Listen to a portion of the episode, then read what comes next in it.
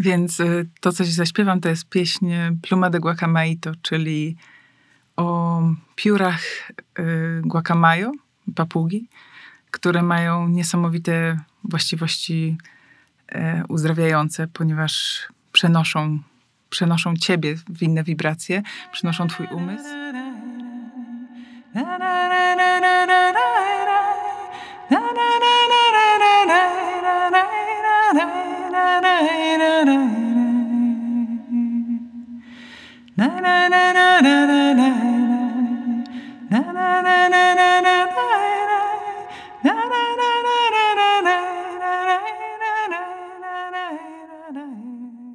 Renata Sabela, podróżniczka, żeglarka, fotografka, przewodniczka, żona i mama, założycielka firmy turystycznej Soul Travel i inicjatywy Fair Travel.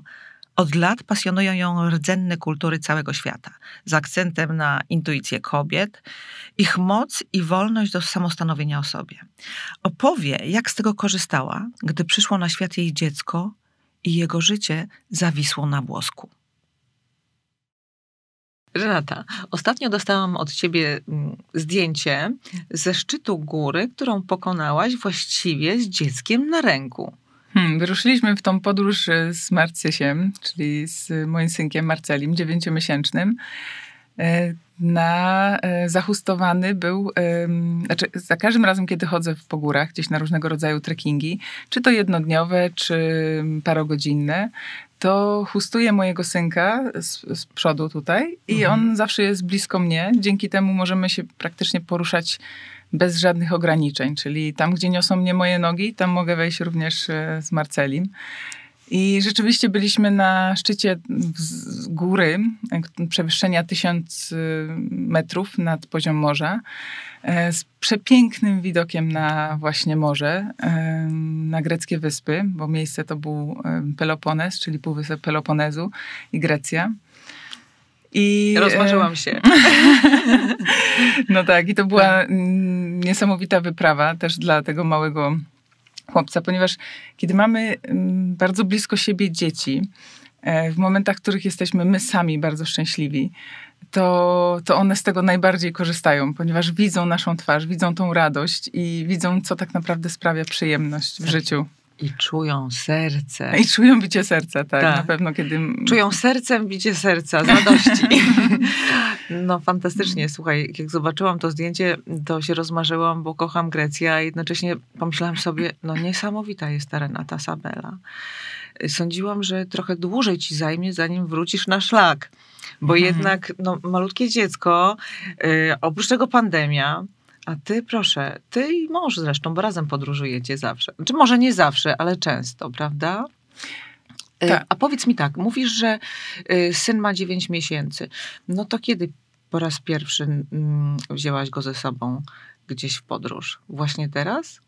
W podróż na Mazury w Polsce już pojechał w lipcu 2020 e, roku, czyli jak miał zaledwie kilka miesięcy, cztery miesiące. Mhm. Ale w pierwszą podróż zagraniczną dopiero e, w styczniu tego roku, a to ze względu na to, że do stycznia miał zabronione latanie ze względu na jego sytuację zdrowotną.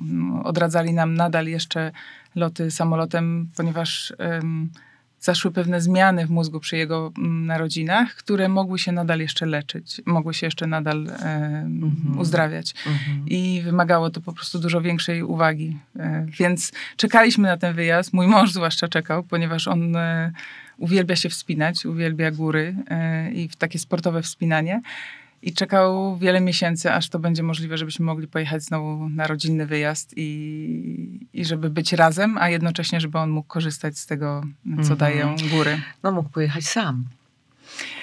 Tak. E, tak, mógłby pojechać sam, ale nie, nie teraz. Nie teraz. Okay. To był zbyt ważny moment naszego życia, żeby się rozdzielać i żeby nie wspierać się nawzajem. Tym bardziej, że na początku życia waszego syna, no byliście rozdzieleni, prawda? Mhm, e, Niespodziewanie synem. dla mhm. was synem. Znaczy rodzice byli, musieli być daleko od syna. Ty byłaś rozdzielona przez lekarzy z synem. Mm, Marceli urodził się mm, natychmiast, można powiedzieć. i został przewieziony od razu do mm, szpitala na Karowej, gdzie ratowali jego życie przez pierwsze tygodnie. Mhm. I dopiero po. Mm, ja mogłam zobaczyć pierwszy raz syna po dwóch dniach, ale tylko go zobaczyć, nie wziąć na ręce, ponieważ był podpięty pod wszelką aparaturę i, i mogłam jedynie poskrobać troszkę jego małego paluszka u nogi. Natomiast po trzech tygodniach mogłam go wziąć na ręce, e, kiedy już był odłączony od części aparatury i Potem po sześciu tygodniach wpuścili mnie do szpitala, tak żeby być przez jakiś czas z Marcelim, zanim on wyjdzie e, do domu, ponieważ już rokował na to, że, że ma możliwość wyjścia do domu. No, mhm. był to trudny dla nas czas, był to taki czas próby. czas też próby nas jako młodych rodziców, jako rodziny, bo to jest jednak dziwne, mm, dziwne mm, uczucie, kiedy jako matka, młoda matka wraca się do domu i właściwie nie ma dziecka, a jest, się, a, a, jest się matką.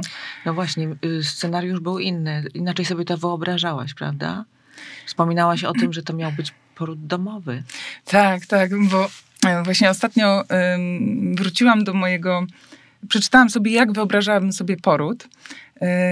Też napisałam sobie taki plan porodu do szpitala. To jest teraz bardzo częste, że kobiety piszą, jakby chciały rodzić, że chciałyby rodzić swojej własnej bieliźnie, że chciałyby, żeby było przyciemnione światło, jak przyjdzie dziecko na przykład na świat, że chciałyby, żeby w pokoju nie było dużo osób, tylko na przykład położna i lekarz, jeżeli to będzie wymagało lekarza, jeżeli nie, to sama położna i najbliżsi. I wiele takich rzeczy, które które mają przyczynić się do tego, że, że jesteśmy zrelaksowani w tym takim ważnym momencie. Gdyby właśnie ten mój poród się odbywał w szpitalu, co też było ewentualnością oczywiście, mimo przygotowania na poród domowy. I kiedy przeczytałam to, ten mój plan porodu, to po prostu mm, tylko się zaczęłam śmiać, bo, mhm.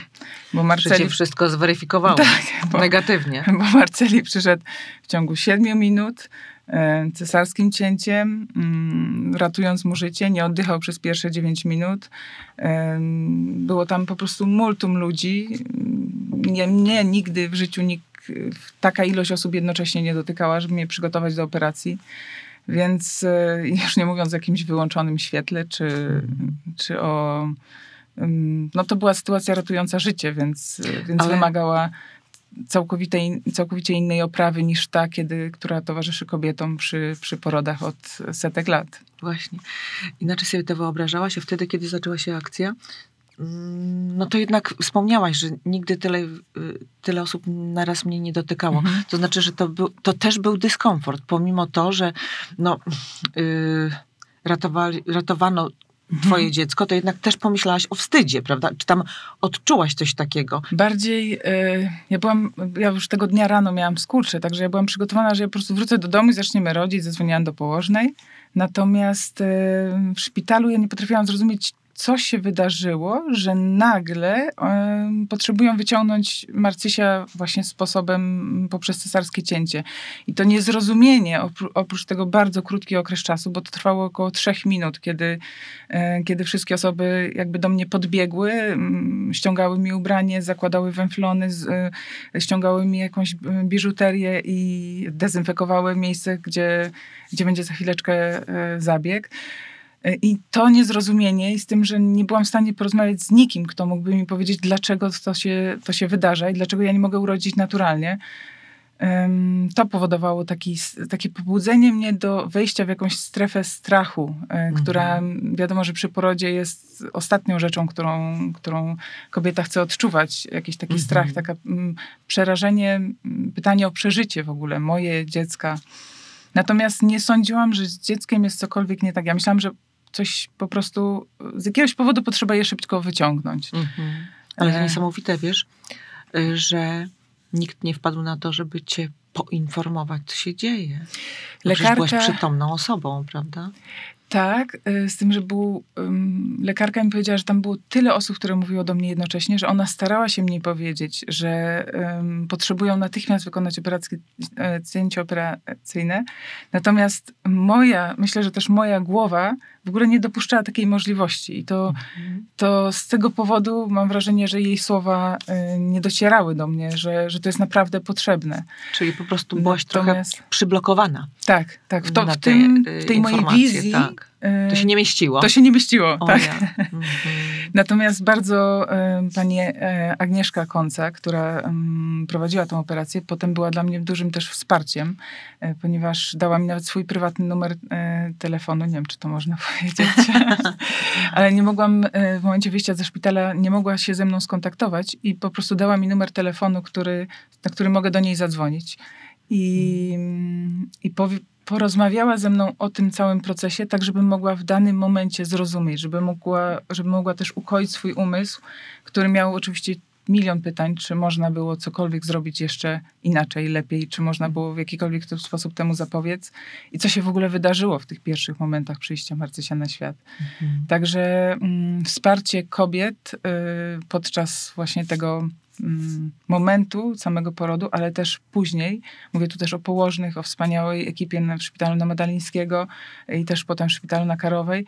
No było niesamowite. Mhm. To, to było bardzo ważne. A powiedz, kiedy do ciebie dotarło, że mm, coś nie tak jest y, z mhm. synem? To był moment po operacji, kiedy mnie wybudzono i moim takim bardzo prostym pytaniem było, mm, kiedy zobaczę po prostu e, swojego, swoje dziecko, które nie wiedziałam, czy jest synem, czy córką. Naprawdę? Bo tak, bo nie znaliśmy płci. Chcieliście mieć niespodziankę. Chcieliśmy mieć niespodziankę, więc nazywaliśmy e, naszego wilczka, nazywaliśmy wilczkiem albo wilczycą, roboczo. I czekaliśmy, czy, co się, czy, czy będzie, nawet nam powiedział um, redaktor naczelny kontynentów, że w sumie możemy mówić wilcze szczenię, to będzie bezosobowo i wtedy rzeczywiście nie wiadomo, co z tego wilczego szczenia, e, szczenięcia będzie. Mhm. E, natomiast no to był taki moment, kiedy mm, osoba, która sprawowała nadzór w szpitalu na Madalińskiego nad y, osobami po operacji, powiedziała, że nie może mi udzielić takich informacji, ponieważ są osoby kompetentne do tego, które powinny tutaj przyjść i udzielić mi takich informacji. Ja spokojnie czekałam. Natomiast y, no, przez przypadek tej pani się po prostu wymsknęło coś, co, mm, co usłyszałam, i wtedy wiedziałam, że, że z moim e, synem jest źle. Mhm. I rzeczywiście przyszła potem pani neonatolog, która powiedziała, powiedziała mi wiele słów. Ja byłam w dużym, nie tyle szoku, tylko po tej operacji bardzo się trzęsłam. Po znieczuleniu tak moje ciało zareagowało. I pamiętam, że mi powiedziała, co się wydarzyło, jak go ratowali, ale jej ostatnie zdanie było... Um, te informacje nie były wcale przychylne, ale ostatnie zdanie brzmiało: Wie pani, mm, syn nie oddychał 9 minut. My ratujemy do 10 minut. To znaczy, że on chce żyć. I to, to co ona mi powiedziała, to znaczy, że on chce żyć. To sobie powtarzałam wielokrotnie podczas różnych sytuacji późniejszych, których nam w szpitalu na Karowej mówili o różnego rodzaju chorobach, y, zwyrodnieniach, operacjach, którym prawdopodobnie będzie syn musiał przejść. To i jeszcze jedne słowa kiedy jechałam samochodem, bo też mm, w tym pierwszym momencie potrzebowałam bardzo dużo czasu takiego dla siebie, tylko dla siebie. Praktycznie nie zadzwoniłam ani do rodziców, ani do siostry, ani do brata, ani jakby do nikogo. Mam dużą rodzinę i wiedziałam, że oni są dla mnie wsparciem, ale nie byłam w stanie z nikim rozmawiać. E, prawie z nikim, mm, bo rozmawiałam z mężem i z, z psychologami. E, I wtedy zadzwoniłam po, po kilku dniach do mojej babci i mówię, babciu, słuchaj, bo już muszę ci powiedzieć, że ja już urodziłam i że mam syna. E, no. Że urodziłam i że mam syna i że, i że ma na imię Marceli. I, i, ile, i babcia mówi, ale mówię, jest w bardzo trudnym stanie, jest w szpitalu. A, mm, babcia mówi, ojej, ojej, no taka tragedia, no w szpitalu jest, no ale, a kiedy on się urodził? Ja mówię, no już babciu, osiem dni temu. Ełe, jak już tydzień żył, to już będzie żył. Cudowne. I babcia, jak cokolwiek się działo, to myślałam, jak już tydzień żył, to będzie żył. Oczywiście, że to są inne realia, ale ta mądrość taka ludowa, ta mądrość mojej babci, która mówiła... I tych starych ludzi. Tak, Prawda? tak, że, że tak rzeczywiście było. No jak już dziecko tydzień przeżyło na tej wsi bez żadnej e, pomocy medycznej, tutaj to wyglądało całkowicie inaczej, więc wiedzieliśmy, że to zagrożenie jeszcze jest, ale tam to, e, no to oznaczało, że to dziecko że naprawdę będzie już żyło, no bo już samo oddycha, już wszystko No robi. właśnie, a ty przecież zawsze wierzyłaś w mądrości starszyzn, prawda? Tak, Wszelakich. to mnie... Wszelakich, nie tylko tych spod tej szerokości geograficznej. Ale o tym może później. No to przeszłaś swoje, wiesz? Mm. Niesamowite. Co było później, bo to raptem tydzień. Jak, Mhm. Co się z tobą działo? Czy miałaś kontakt z dzieckiem? Ym, Jak to przetrwałaś? Znaczy ja w ogóle Mhm. mm, wiedziałam, że po pierwsze już w szpitalu, w tej pierwszej dobie właściwie, wiedziałam, że potrzebuję pomocy kogoś z zewnątrz. I jak nigdy nie byłam u psychologa, tak e, po prostu poprosiłam o tą pomoc już w szpitalu. Jedna z dziewczyn mi powiedziała, może chcesz porozmawiać z psychologiem? Ja mówię, tak, chcę. I dała mi kontakt do, do mm, osoby kompetentnej, z którą e, rozmawiałam, jeszcze tej samej, te- tego samego wieczoru, w sensie nie wieczór narodzin synka, ale jakby 24 godziny po porodzie. I, I to była bardzo ważna rozmowa. To była taka kluczowa dla mnie rozmowa, żeby e, w takiej czułości do siebie, z dystansem spojrzeć na tą sytuację i zrozumieć, że ja zrobiłam wszystko, co w mojej mocy i że takie rzeczy po prostu się zdarzają. Zdarzają się nam wszystkim. I Czyli, takie y- rzeczy, które są większe od nas, które są trudne i których może nigdy nawet nie zrozumiemy, dlaczego się miały wydarzyć. I, i takie rzeczy, które y, zmiatają nas trochę jak taka wielka fala oceanu. I potrzebujemy po prostu mm, przeżyć to, oczywiście przeżyć też tą całą, ten cały proces, ale potem najnormalniej w świecie podnieść się i iść dalej. I nie zastanawiać się za bardzo nad tym, co, co się wydarzyło, dlaczego i dlaczego mnie to spotkało. Ale w tamtym momencie to było takie wsparcie, takie wsparcie bieżące, takie wsparcie o zadbanie o swoje potrzeby. Ja wtedy poprosiłam lekarzy, żebym mogła wyjść wcześniej ze szpitala. I, I lekarka powiedziała, że dobrze, że ona o to zadba, ale następnego dnia jej nie było już na dyżurze. I ja pamiętam, jak poszłam do jednej dziewczyny, która siedziała na, na recepcji, jakby pilnowała nas w tym szpitalu. I ja mówię, proszę pani, bo chciałabym się dzisiaj, ja będę wychodziła dzisiaj bardzo dużo wcześniej, o 11, mm, wypisy są o 15, ale lekarka miała do mnie dzisiaj rano przyjść. A pani mnie tak jakby chciąc zbyć, mówi, przyjdzie, jak przyjdzie, to przyjdzie, No obchód tak. jest od 11. Ja mówię, dobrze, rozumiem, ale potrzebuję się z nią skontaktować, ponieważ jest to dla mnie ważna sytuacja, ponieważ do szpitala mogą mnie wpuścić tylko dzisiaj, żebym mogła zobaczyć synka, a nie wiadomo, co będzie z nim, bo, bo jego stan był tragiczny. Więc Mhm. I, I ta pani nadal mnie próbowała zbyć. I ja tak popatrzyłam na nią, mówię, proszę pani, ja idę się wykąpać, ja się kąpię 20 minut. Ja za 20 minut będę z powrotem i zadam pani dokładnie te same trudne pytania. I pani będzie musiała mi na nie odpowiedzieć. Super, brawo. I poszłam, do, i to była Mhm. właśnie ta taka wewnętrzna siła, że ja wiem, czego ja potrzebuję, ja wiem, mm, co jest dla mnie dobre i ja o to będę nie tyle walczyć, tylko ze spokojem będę tego wymagać. Bo na walkę ja nie miałam wtedy sił. Ja miałam sił tylko na to, żeby powiedzieć, jakie są moje potrzeby i być w tym wytrwałą, żeby je dostać. I ona wróciła do mnie Aha. po tych 20 Przed minutach. czy po prysznicu? Po prysznicu Mhm. i mówi, lekarka będzie za chwilę, już wszystko załatwiłam. Super, widzisz? Ta psycholożka tak cię ustawiła? Psycholożka o, jakby pobudziła we mnie to, co, to, co ja miałam, tylko to, było. zostało po Mhm. prostu totalnie mm, jakby no, ten strach i ten, to, to, ta walka o swoje mm, o, sw- o swoje, bo, bo ja byłam po prostu porościnana, bolało mnie wszędzie. Mhm. I, e, I też walka o, o syna sprawiła, że jakby ze strachu ja byłam cała taka Zblokowana. zblokowana Mhm. tak. Ja, Ale- ja się czułam jak taki pies, który trochę jest jakby zbity takim wielkim mm, kawałkiem drewna. O ja. Słuchaj, bo- ja nie zrozumiałam, że chciałaś wyjść wcześniej tego dnia ze szpitala, bo wy, wy już byliście osobno, prawda? Syn osobno Tak, i ty osobno. Tak, tak. Syna przewieźli od razu Rozumiem. po Mhm. trzech godzinach go przewieźli. Tylko czekali na wszystkie dokumenty i aż ja się obudzę i podpiszę, że się zgadzam na Mhm. przejazd syna do, do, do szpitala na Karową. Ponieważ go, tylko tam mogli go ratować dalej, e, wkładając go w taką matę coolingową, która go mm, jakby obniżała jego temperaturę ciała do 33 stopni, przez co wszystkie funkcje życiowe były obniżone i, i nie dochodziło do różnych wylewów i jakby... Mhm. Mm, A co właściwie się stało? Dlaczego doszło do takiej sytuacji? Czy ty wiesz? nie. Nie wiesz? Nie. Mhm.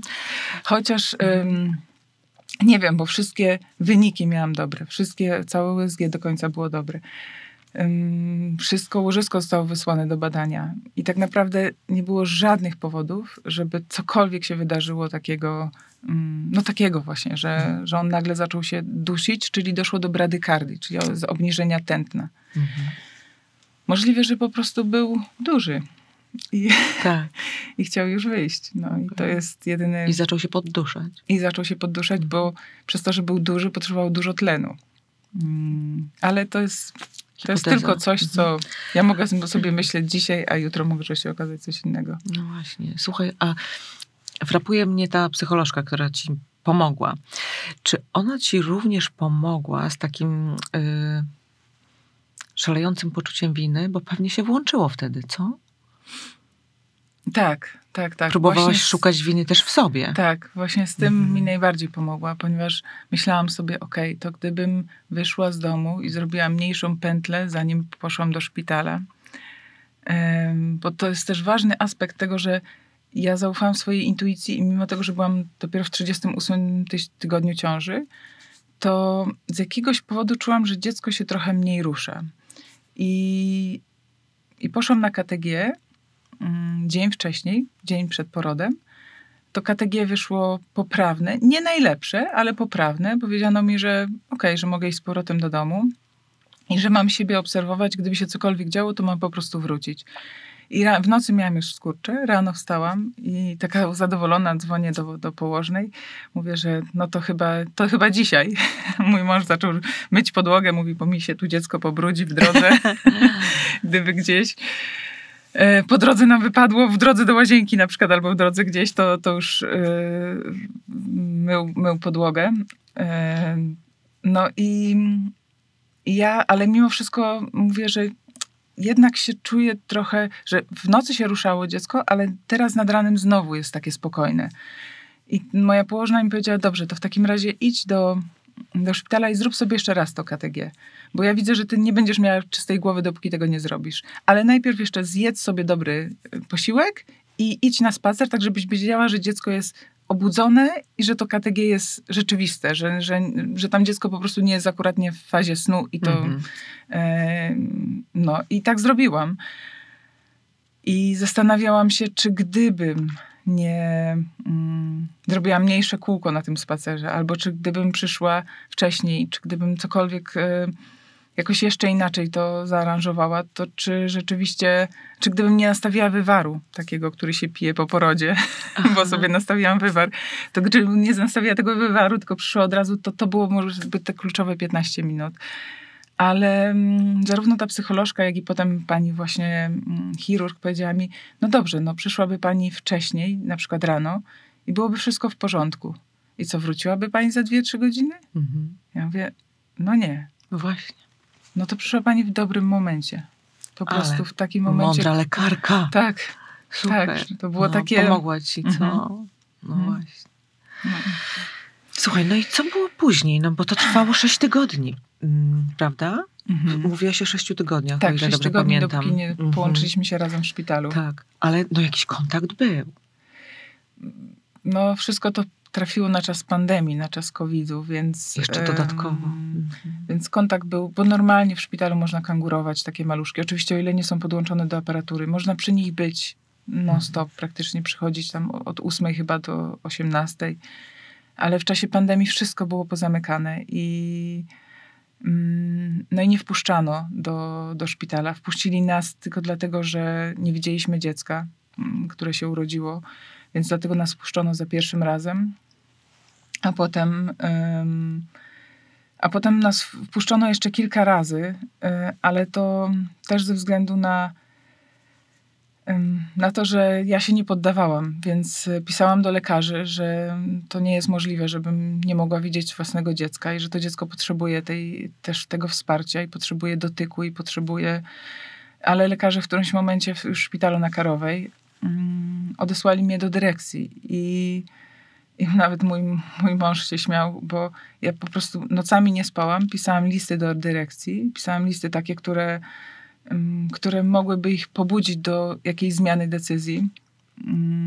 I mój mąż je redagował nad ranem, żeby nie były takim wylewem, bo jest redaktorem, wylewem mhm. jakichś emocji matczynych, tylko, chociaż potrzebowały zawierać właśnie coś, co poruszy serca tych osób, które są po drugiej stronie.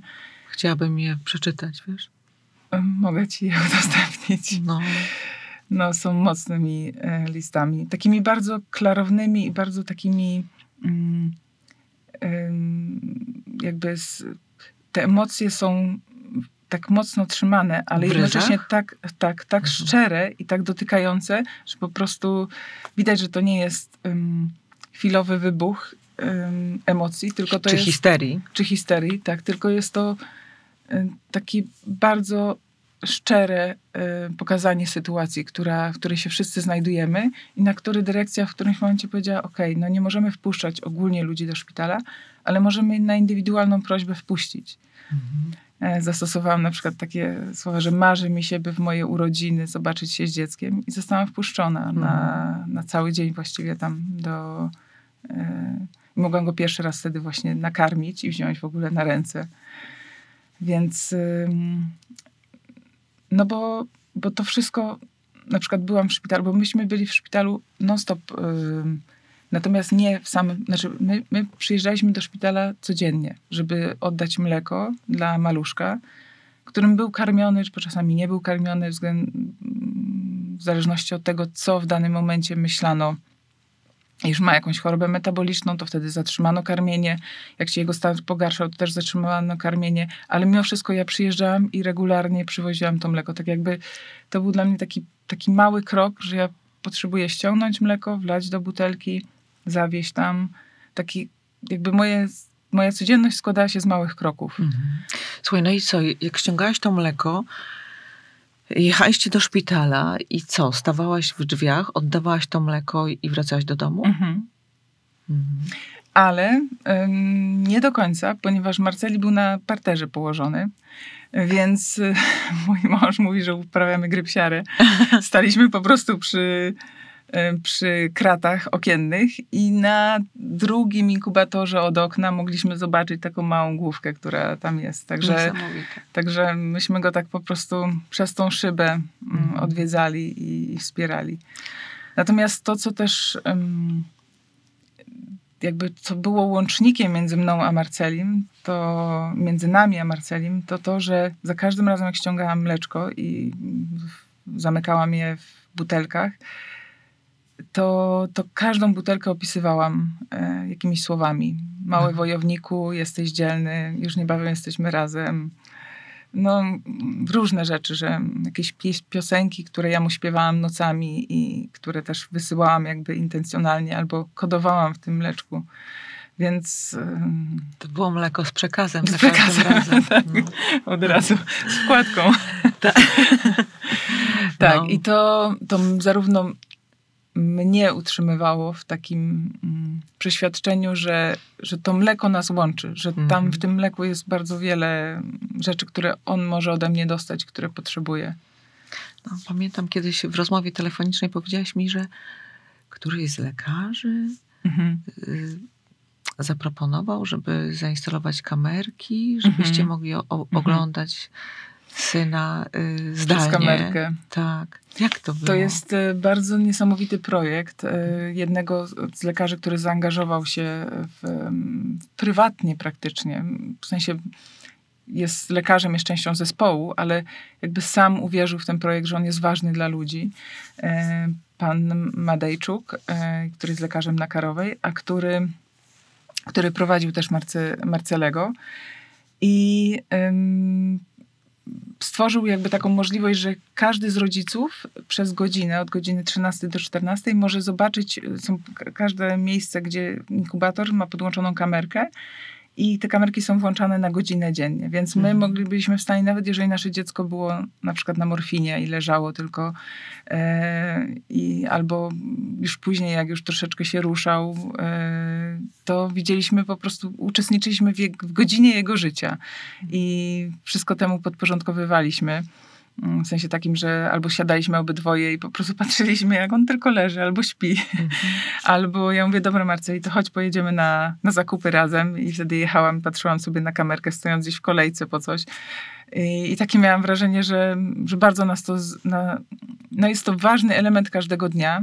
Też moja mm, możliwości laktacji się poprawiły, bo, bo ja go nareszcie widziałam. Ja go nareszcie widziałam, byłam w stanie z nim wejść w kontakt, który, który pozwolił mi... Wiadomo, umysł działa bardzo prosto. Nie ma dziecka, więc... Nie ma Nie ma, impulsu. nie ma impulsu do Tak. produkcji mleka. Więc Niesamowite. wszystko to, co potrzebowałam wytworzyć, to to, żeby nie uwierzyć, że dziecka nie ma. I, i to się właśnie działo. Musiałaś wykonać nad sobą niemałą pracę, żeby to mm, jakoś przetrzymać. Tak, to, to było tak trochę, że pomyślałam, że potrzebuję wyciągnąć jakby z takiej swojej walizki wewnętrznej wszystkie te rytuały i jakieś praktyki, które kiedykolwiek mi pomagały i których się nauczyłam podczas moich podróży, głównie do kultur dzennych czy do szamanów, tak, żeby, żeby utrzymać swój umysł w e, czystości. Przede Mhm. wszystkim w harmonii, w czystości i w wierze tego, że, mm, że, że my będziemy razem i że przejdziemy to. Żeby nie dać się temu Inaczej- strachowi, żeby nie dać się zjeść lękom, tak? Tak. Nawet y, nie wierzę, że, że wszystko będzie dobrze, bo to słowo wszystko będzie dobrze, to, to u nas w Polsce ma takie, mamy takie wrażenie, że powinno się skończyć to happy endem. Tylko, że będzie dobrze tak, jak będzie. Mhm. I, I to było dla mnie ważne, żeby utrzymać spokój bez względu na to, co się wydarzy. Żeby się nie dać wejść w kolejną jakąś pułapkę strachu czy czegokolwiek innego. Mhm. Więc te rytuały, mój mąż mówi, no idziesz spać, a ja siedziałam czasami do czwartej rano, bo one mi były po prostu potrzebne. Potrzebne, żeby następnego dnia znowu móc normalnie funkcjonować. Nawet z mniejszą ilością snu. Ale ciekawa jestem, ile wysiłku cię to kosztowało? Czy to w ogóle był, była kwestia wysiłku, żeby właśnie utrzymać ten umysł w jakichś ryzach i żeby nie wpaść w tę pułapkę ym, strachu, która gdzieś w konsekwencji prowadzi do tego, że tracisz moc. Mhm, mhm. Czy to, czy, to, czy, czy to było trudne? Czy ty to potrafisz? To, to jest trudne, ale tylko jest trudne, dopóki się tego nie nauczysz. A tak naprawdę, jeżeli to wiesz, w jaki sposób to zrobić i jesteś w stanie to robić regularnie, to, mm, to masz tą moc w sobie. Po Mhm. prostu mm, na przykład, jeżeli czułam, że jest, spadam, że zaczynam być smutna albo zaczynam się czymś martwić, bo oczywiście, że mieliśmy telefony ze szpitala, które nam mówiły różne trudne rzeczy, to, to wtedy usiadałam z bębnem i grałam na przykład pieśni, albo szłam w naturę i czerpałam z takiego spokoju. Para que todo en mi vida sea siempre muy bonito. Pluma de guacamaito, limpia mi bien mis ojitos. Para que todo en mi vida sea siempre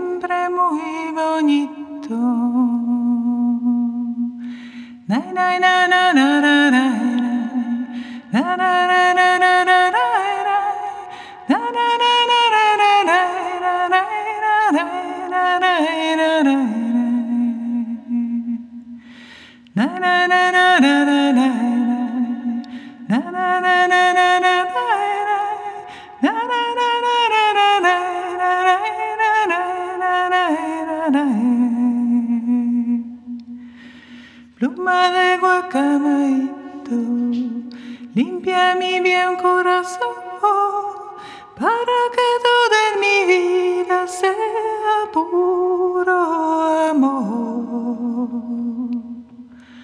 Pluma de guacamaito, limpia mi bien corazón, para que toda mi vida sea puro amor. na na na na na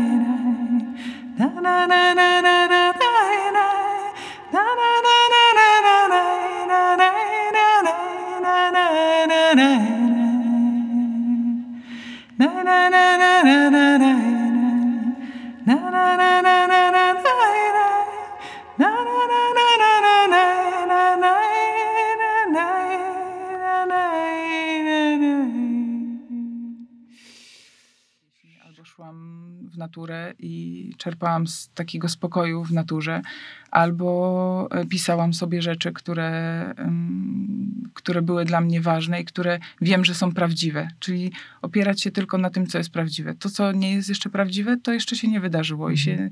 po prostu może nigdy nie wydarzyć. Więc co jest prawdziwe? Prawdziwe jest, że jesteśmy, jestem teraz w domu, jestem zdrowa, Marceli jest w szpitalu i leży.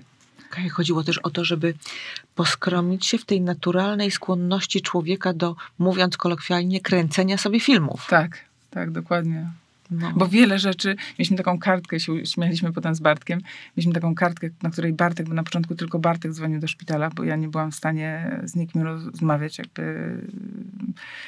I, i Bartek zapisywał, nie działają płuca, yy, nie działa system, nie system, tylko yy, układ moczowy, nerki odmówiły posłuszeństwa, to coś tam, po czym przewrócił kartkę, taka ona jakby z sześciu części złożona i znowu nerki jednak się poprawiły, płuca jeszcze nadal złe, coś tam, serce do operacji. No to potem kolejna strona. Ym, okazuje się, że serce jednak się zmniejszyło, coś tam i tak, i tak popatrzyliśmy na tą kartkę. Ja mówię, Bartek, przecież tutaj tutaj jest tyle rzeczy, które się nie wydarzyły. W ogóle jak y, kiedyś potrzebowałam napisać takiego SMS-a do rodziny, już kilka miesięcy później, chyba z sześć czy miesięcy później. A wy wiecie co, ja muszę wam tak na jednym wdechu z pamięci wy, wypiszę wam wszystkie rzeczy, które myśleliśmy, że Marceli może mieć. Mówię, o, teraz mi lepiej. Bo ja tak nigdy tego tak naprawdę nie powiedziałam na głos, tylko gdzieś to tak we mnie, Mhm. tych myśli nie dopuszczałam, ale one nigdy tak nie wyszły ze mnie. Ja mówię, jak w sumie chciałabym wam napisać, co, o co go podejrzewali, a czego nie mówiliśmy też rodzinie, bo, bo po co jeszcze mieć innych wystraszonych, którzy nas pocieszają, kiedy tak naprawdę nikt nie wie, co, co się może wydarzyć. No właśnie. Słuchaj, czyli to tak jest, że człowiek sobie myśli, że dopóki czegoś nie wypowie, to tego nie ma. Czyli trochę tak było w twoim przypadku, no ale to nie znaczy, że to się w tobie rozpuszczało, tylko raczej zalegało, prawda? Więc jak to wypowiedziałaś w końcu, czy tam napisałaś w tym SMS-ie, Mhm. to podejrzewam, że rzeczywiście Mhm. to musiała być wielka ulga.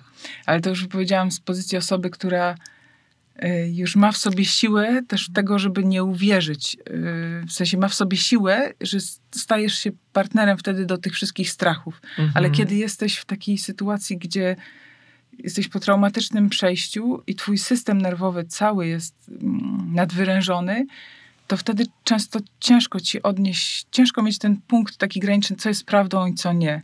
I wtedy dobrze jest po prostu tylko, znaczy dla mnie działało to, że opierałam się tylko na tym, co jest prawdziwe, a tamtego nawet nie dopuszczałam, dopóki rzeczywiście nie stawało się prawdą. Mhm. Wiesz, ale to, tak sobie myślę, że w takiej sytuacji ciężko nie być wściekłym, ciężko nie mieć żalu do losu, że tak doświadcza, prawda? Bo to inaczej miało wyglądać.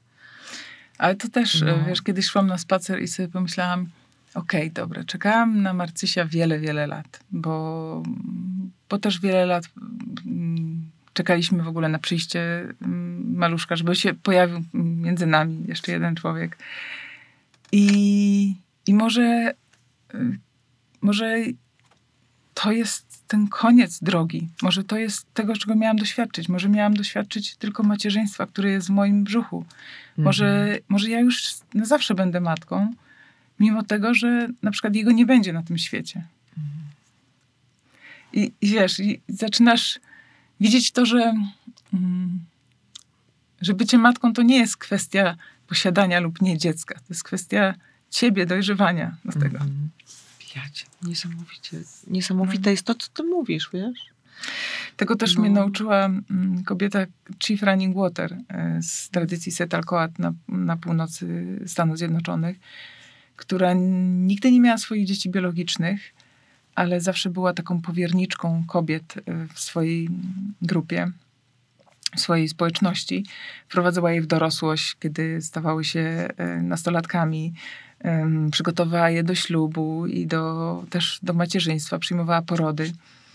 I, I to była kobieta, która tak bardzo czuła w sobie, była matką, że ja przy niej zrozumiałam, że ona naprawdę ma tą matczyność całkowicie. Ona, ona się czuje jak matka. Matka Mhm.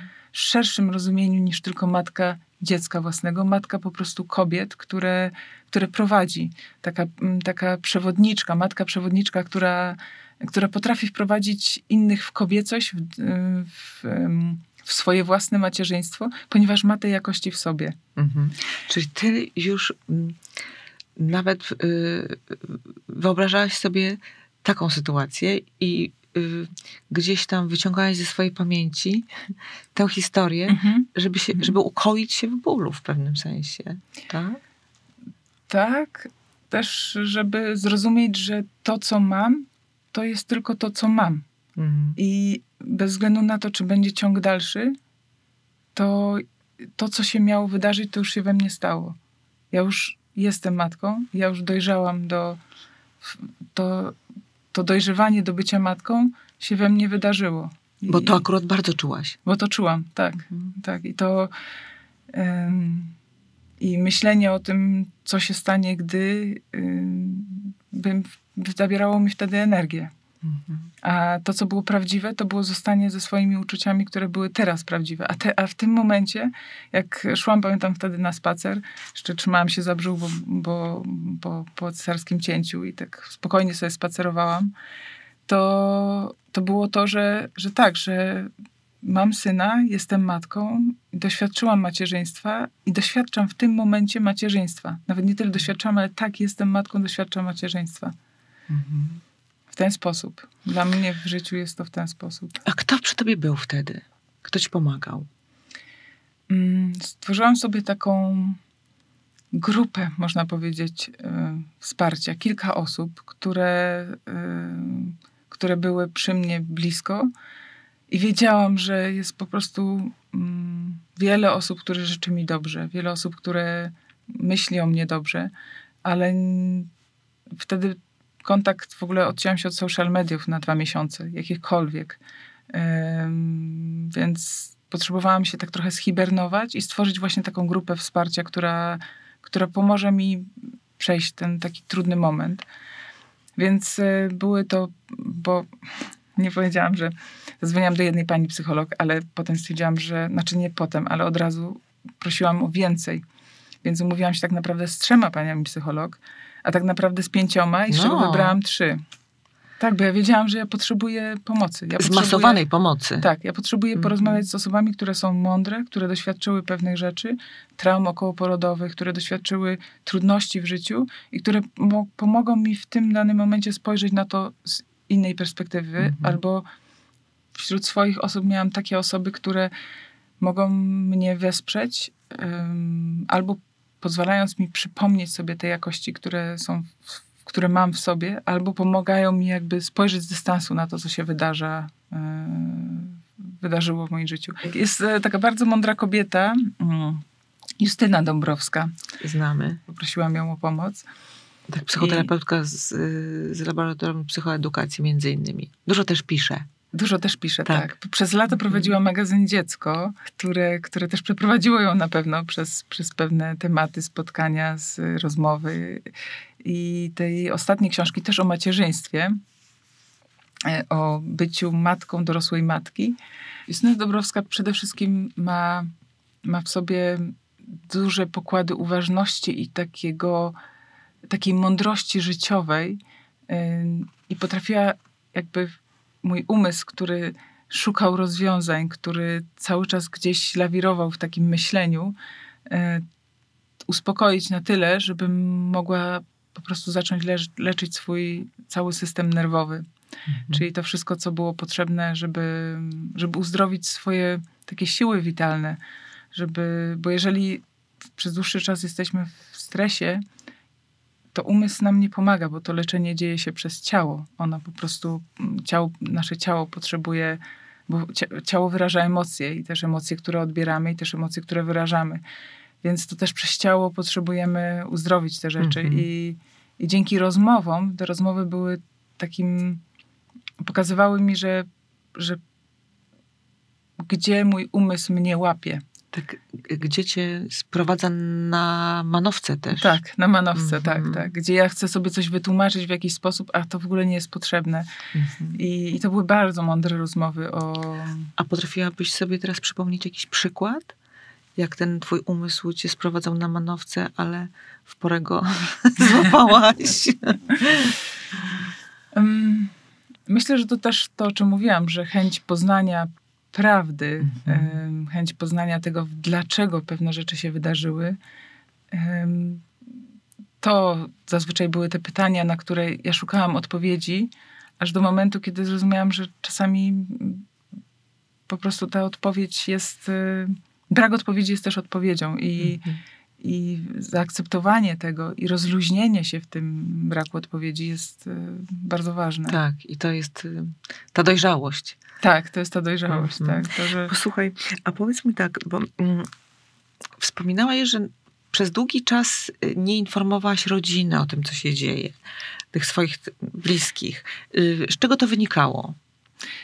Wiesz, mm, to nie było na tyle tak, że nie informowałam rodziny, bo informatorem był mój mąż, więc Mhm. rozmawiałam na, na co dzień z moim mężem i to właśnie on był dla mnie bardzo dużym wsparciem wtedy. W ogóle dla siebie nawzajem byliśmy wsparciem, chociaż na pewno to on potrzebował przejąć wiele obowiązków, e, takich zewnętrznych, można powiedzieć, był takim ambasadorem. Natomiast mm, wiesz, kiedy jesteś w takiej sytuacji, kiedy wielu rzeczy nie wiesz i, i nikt tego ci nie powie, w jaki sposób się to potoczy, e, jakie, bo lekarze mogą mieć swoją wizję, mają, mogą mieć swój plan, e, ale tak naprawdę to dziecko przyszło na ten świat i to ono ma swój plan życia Mhm. i, i to ono decyduje o tym, jak się potoczy jego życie.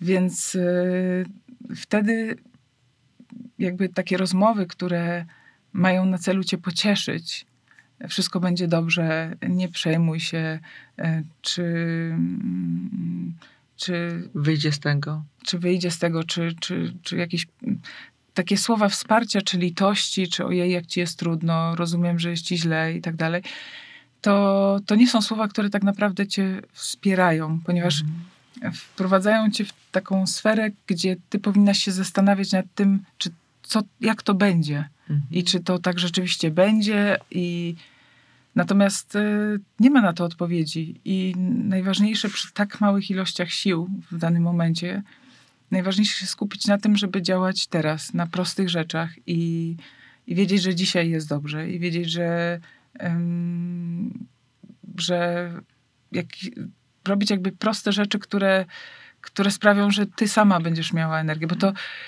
bo to tak naprawdę mm, organizm jest na tyle wycieńczony, też niespaniem, też y, całym sy- sytuacją, że mm, proste rzeczy stają się bardzo wymagające energetycznie. Tak. Mhm. I, I w pewnym sensie można też powiedzieć, że ci ludzie, mówiąc tak pewnie ze szczerego serca, tak naprawdę pocieszali siebie. Tobie Mhm. niechcący zabierali energię, bo ty Mhm. musie, znowu umysł schodził na manowce, zamiast trzymać się faktów, prawda? Mhm. E, I tak na dobrą sprawę to oni też jakoś chcieli no, ukoić siebie w, w żalu, bo też pewnie to przeżywali. A tobie chyba y, najmniej było potrzebne to, żeby, żeby jeszcze przynosić ulgę ludziom z zewnątrz, Tak, prawda? ja pamiętam, jak moja mama zadzwoniła do mnie i mówi do mnie, już po dwóch tygodniach, czy po trzech tygodniach, mówi do mnie, no tak się martwiłam, nie dzwoniłaś w ogóle. Ja mówię, mhm. I mamo, musisz sobie z tym poradzić, bo ja nadal nie będę dzwonić.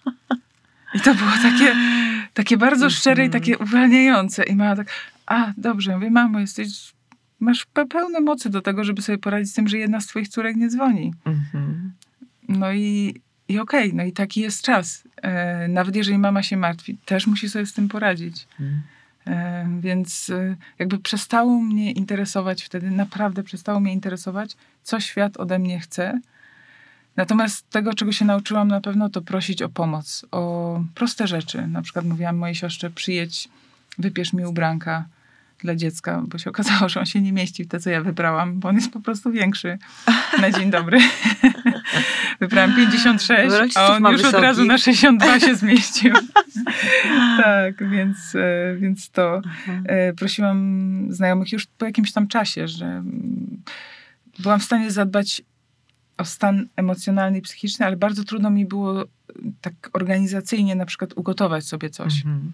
E, ciepłego, dobrego, odżywczego. I wtedy e, zobaczyłam, że poprosiłam znajomych, okej, chcesz coś dla mnie zrobić, to ugotuj mi obiad.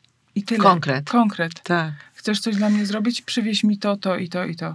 Ale to są bardzo pomocne mi takie- wskazówki dla tych ludzi, którzy naprawdę szczerze chcą y, Tak, pomóc. tak, bo, Tak. bo e, okazało się, że prawie co drugi dzień mieliśmy świeży, dobry obiad. Naprawdę. Super. Ja mówię, wow, po prostu co za, co za jakby mm, prosta mm, pomoc, która jednocześnie dla mnie wtedy była bardzo ważna, bo ja nie byłam w Bezcenna, stanie tego tak. zrobić. Ja nie byłam w stanie zadbać o siebie, a wiedziałam, że muszę zadbać o siebie, bo ta droga jest długa. Bo ta Mhm. droga z Marcelim jest długa, po prostu.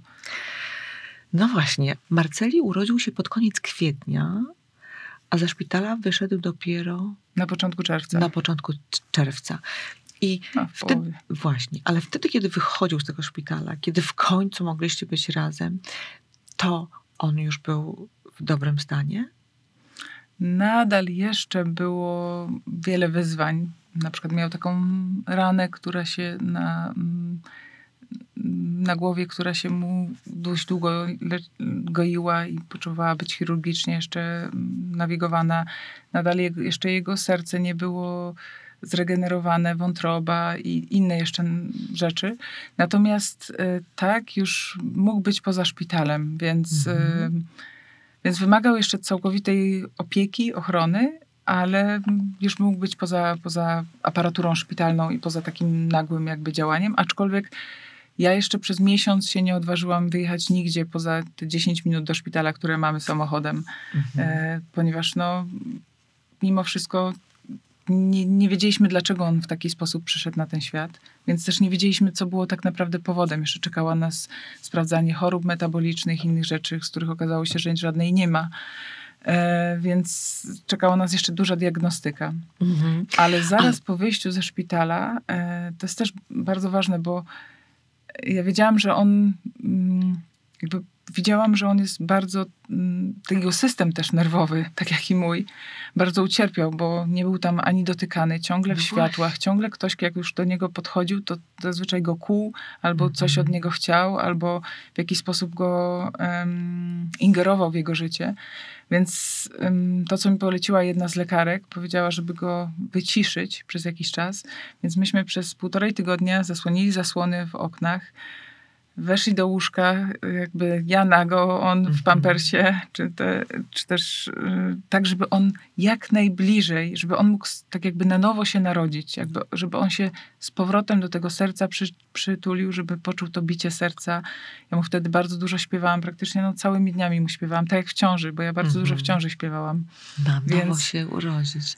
Aż Więc tak. y, i to dla niego było mm, bardzo ważnym etapem. Przez nie mieliśmy żadnych wizyt lekarskich, niczego. On po prostu on się zharmonizował, wyciszył się, taki się zrobił takim dzieckiem, które obserwuje, tak jakby się otworzył oczy i tak zaczął obserwować ze spokojem, bo był Mhm. jednak dość Rozdygotany. rozdygotany. Tak. Mhm. Tak.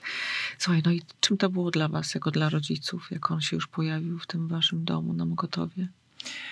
No dziwnie. dziwnie, bo, bo no, czuliśmy się tacy. mm, Przede wszystkim no, to była wielka radość. To, to, to, to wszystko się działo z fanfarami. Mąż przyjechał po mnie do szpitala, bo tak jak mówię, w ostatnim momencie byłam, mogłam być w szpitalu razem z nim i potem wyjść razem do domu. E, więc y, czuliśmy się bardzo jakby błogosławieni, można powiedzieć, ym, tym, że los nam tak zdecydował i że możemy dalej e, być e, razem w trójkę. Tak. E, Odzyskaliście to dziecko. Odzyskaliśmy, tak. Mhm. Także- Drugi raz się narodziło. Mhm. Niesamowite. Słuchaj, z tego co słyszę, to mm, cały personel medyczny właściwie z dużym zrozumieniem podchodził do tych twoich desperackich działań. Mhm. Czy tak było zawsze? Wiesz, zastanawiam się też nad tym słowem desperacki. E, Może z zewnątrz by to rzeczywiście wyglądało na takie desperackie działania. Natomiast e, ja z wewnątrz czułam, że to są dokładnie te kroki i dokładnie te działania, które potrzebują wybrzmieć. Czyli tak jakbym Mhm. się pozbyła wstydu przed mówieniem szczerze i prawdziwie, bo to mm, bo domagałam się po prostu na, najnormalniejszych, prostych praw rodzica. Ale Widzenia z absolutnie. dzieckiem. Tak, ale dla nich to mogło być desperackie, bo kto inny mógł po prostu czekać. Tak, i były kobiety, które czekały na przykład 3,5 miesiąca. To jak ja to usłyszałam, że kobieta nie, słyszy, nie widziała swojego dziecka 3,5 miesiąca, to ja się wzruszyłam tym, jak, jak heroi, heroicznie ona musiała tak naprawdę mm, no, w sobie dusić tą potrzebę i ile razy musiała myśleć, dlaczego to, to się w taki sposób wydarza. Natomiast em, jeśli pytasz o ten personel medyczny, to mm, rzeczywiście wiele osób w momencie, w którym widziało taką determinację i taką, taką chęć walki w nas, nawet jeżeli to była taka walka powolna, ale wytrwała, to nie było tam przychodzenie, skandowanie, że wpuśćcie nas, tylko taka pisanie listów spokojnie, dobrze, to kolejna osoba, to do tej osoby, to teraz zadzwonimy, to, to taka, taka jakby taktyka, wiedziałam, że okej, to w takim razie to i to, to potrzebuję zrobić. To mm, wtedy widząc tą iskierkę w nas, takiej determinacji, chciała nam pomóc. No ale nie zawsze, nie wszyscy byli tak przychylni, ponieważ e, byli też lekarze, którzy przyzwyczaili się do tego, w jaki sposób działa system w ogóle, że mm, tak naprawdę trzeba bardzo wiele procedur przejść. E, Czasami nie ma czasu na to, żeby w ogóle się zatrzymać i zająć się danym pacjentem, więc jeżeli poleży dwa tygodnie dłużej, do momentu, kiedy to się wszystko y, jakby wyjaśni, samo przez się być może, albo dopiero za dwa tygodnie się ktoś tym pacjentem małym zajmie, to się nic nie stanie. A tymczasem się stanie. A tymczasem się stanie, Tak, ponieważ bo tak, każdy dzień jest ważny. Czyli zapominają, przyzwyczajają się do tego, do tych szpitalnych rytuałów i do, tej całe, do tego systemu, system a mhm. odzwyczajają się od takiego y, Ludzkiego myśl- podejścia ludzkiego podejścia Mhm. i do ym, empatycznego podejścia, do takiego wczuwania się w, w to, co może czuć matka albo Mhm. dziecko oderwane od matki. To jest trochę tak, że dopóki, że tych, tych rzeczy, tych obowiązków lekarzy też w czasie COVID-u, bo tam tym, tych, tego pierwszego etapu COVID-u, ponieważ tam pracowali w zespołach podzieleni na grupy tygodniowe, więc jeden, jedna grupa lekarzy pracowała przez tydzień, ale była też w obniżonym składzie. Więc też nie mieli czasu i dopóki, dopóki ktoś tak naprawdę nie zawalczył i nie dzwonił, na przykład pytając się, dobrze, to w takim razie państwo wczoraj nam mówili, że zrobicie to i to, czy to dzisiaj zostało wykonane?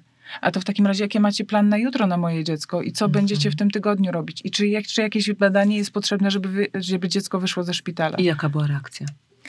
Y, No ale to tak nie można, y, tak pani tutaj od nas wymaga, y, ja jeszcze nie wiem, trzeba obserwować dziecko, trzeba, jeszcze dziecko musi poleżeć trochę, a to nie była prawda, bo niektóre dzieci były już do wypisu, tylko leżały trochę tak, taką siłą inercji, jakiejś Mhm. bez, bezwładności systemu i tego, że ktoś się bał podjąć decyzję o tym, żeby wypisać dziecko, bo na przykład jeszcze nie miał w tej całej rubryczce odhaczonych na przykład dwóch badań. A tak naprawdę te badania nie były kluczowe dla, dla tego. No właśnie. I czasami ten pobyt y, w szpitalu przedłuża się zupełnie niepotrzebnie. Mhm. Tak, tak. To, a, N- Niektórym może się wydawać, że lekarze wiedzą, co robią, prawda? Tak musi być, a tymczasem tak być nierzadko nie musi. Jaką to trzeba mieć intuicję, żeby jednak wiedzieć, kiedy wejść do akcji. tak, to mm, było też wsparcie tych osób, o których mówiłam. Mhm. Dwie osoby z nich to były lekarki, którym bardzo jestem wdzięczna e, za, za ówczesną poradę i, i też one mi powiedziały, dobrze, to musisz zadać po prostu konkretne pytania. Okej, czy jeżeli wezmę teraz dziecko ze szpitala, czy coś mu grozi? Czy ono ma szansę na jakiś. Nikt mi nie da gwarancji, oczywiście, ale czy jest coś, co oni teraz mogą myśleć, że stanowi zagrożenie dla jego życia? I, i kiedy zaczęłam zadawać konkretne pytania, to wtedy też zobaczyłam, że, ten, że po drugiej stronie konkretnie osoby zaczęły mi może nie tyle odpowiadać, ale już wiedziały, że ja wrócę z tymi pytaniami jeszcze raz i że one muszą znaleźć odpowiedzi na te, na te pytania, na, które Mhm. są dla mnie ważne. I słyszę, I że właśnie- muszą podjąć decyzję przede Tak. wszystkim. Właśnie. Ale wiesz, słyszę, i to jest moim zdaniem bardzo e, ważne w tej rozmowie, że ty w tym czasie no, właściwie wypracowałaś sobie pewną strategię działania. Też się tego uczyłaś w trakcie, prawda? Mhm. Bo to, ci, to byłaś czujna, uważna, Mhm. wyciągałaś wnioski. Także to też jest chyba taki bardzo ważny przekaz dla innych kobiet, w które mogą się znaleźć w takiej sytuacji, prawda? Ja myślę, że w ogóle w momencie takiego y, trudnych sytuacji, jeżeli się skupimy i jeżeli potrafimy się skoncentrować naprawdę na sytuacji, która, która nas dotyczy. I potra- potrafimy właśnie, tak jak mówisz, zobaczyć kilka aspektów, bo jeżeli nie działało z tym lekarzem, to ja pisałam do tego lekarza, jeżeli nie działało z, z lekarzami w ogóle, to do dyrekcji, jeżeli nie, no to jeszcze w taki czy w inny sposób, po to, żeby uzyskać to, co było ważne i potrzebne, pokojową, normalną drogą pacjenta, który domaga się informacji. Ale w ogóle myślę, że jeżeli potrafimy się tak skoncentrować, to okazuje się, że my nagle mamy dużo więcej siły w sobie, niż nam się wydawało.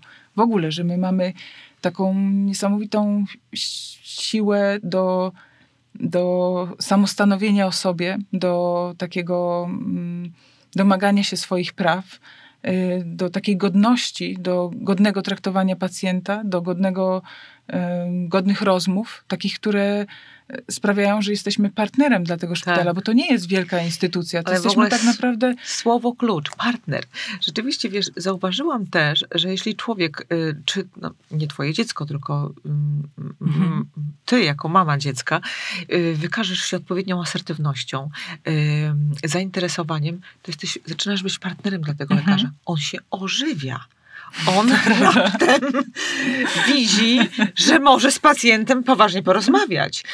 I, I rzeczywiście zaczyna się coś dziać. Czasem oni też mm, Mhm. działają trochę Wyrzucają schematycznie, tak automatycznie. Tak, trzeba ich wyrzucać z marazmu.